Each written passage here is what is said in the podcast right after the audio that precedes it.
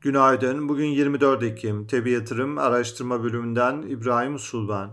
Cuma günü Amerikan endekslerinde pozitif kapanış oldu. S&P 500 endeksi %2.37 yükseldi. Bazı Fed üyelerinin ekonomide daralma riskinden dolayı faiz artış hızının yavaşlatılması gerekebileceğine dikkat çekmeye başlaması bunun Fed'in faiz artış hızını yakın zamanda yavaşlatmaya başlayacağına ilişkin beklentileri güçlendirmesi endeksleri olumlu etkiledi. Yurt dışı borsaların yeni haftaya pozitif tarafta başladığını görüyoruz. Amerikan endekslerinde cuma günü yaşanan yukarı hareket hafta başında küresel risk iştahını olumlu etkiliyor. Asya borsaları Çin ve Hong Kong dışında haftaya pozitif başladılar. Avrupa borsalarının %1'e yakın yukarıda açılması bekleniyor. Amerikan endeksleri vadeli tarafta da yeni haftaya başlarken yukarıda.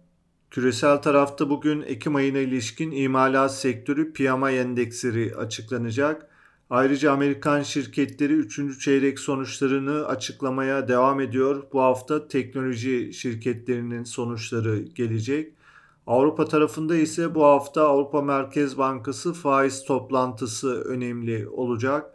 Gösterge faizlerde 75 bas puanlık yeni bir artış bekleniyor. İçeride bu hafta borsa şirketlerinin 3. çeyrek sonuçları takip edilecek. Arçelik'in cuma günü açıklanan 3. çeyrek net karı piyasa beklentisinin altında kaldı. Borsa İstanbul tarafında ise geçen hafta pozitif kapanış yaşandı. BIST endeksi haftayı haftalık bazda %8.48 yükselişle yeni bir tarihi zirveyle tamamladı. Endeks ABD doları bazında yılın en yüksek seviyelerine yükseldi.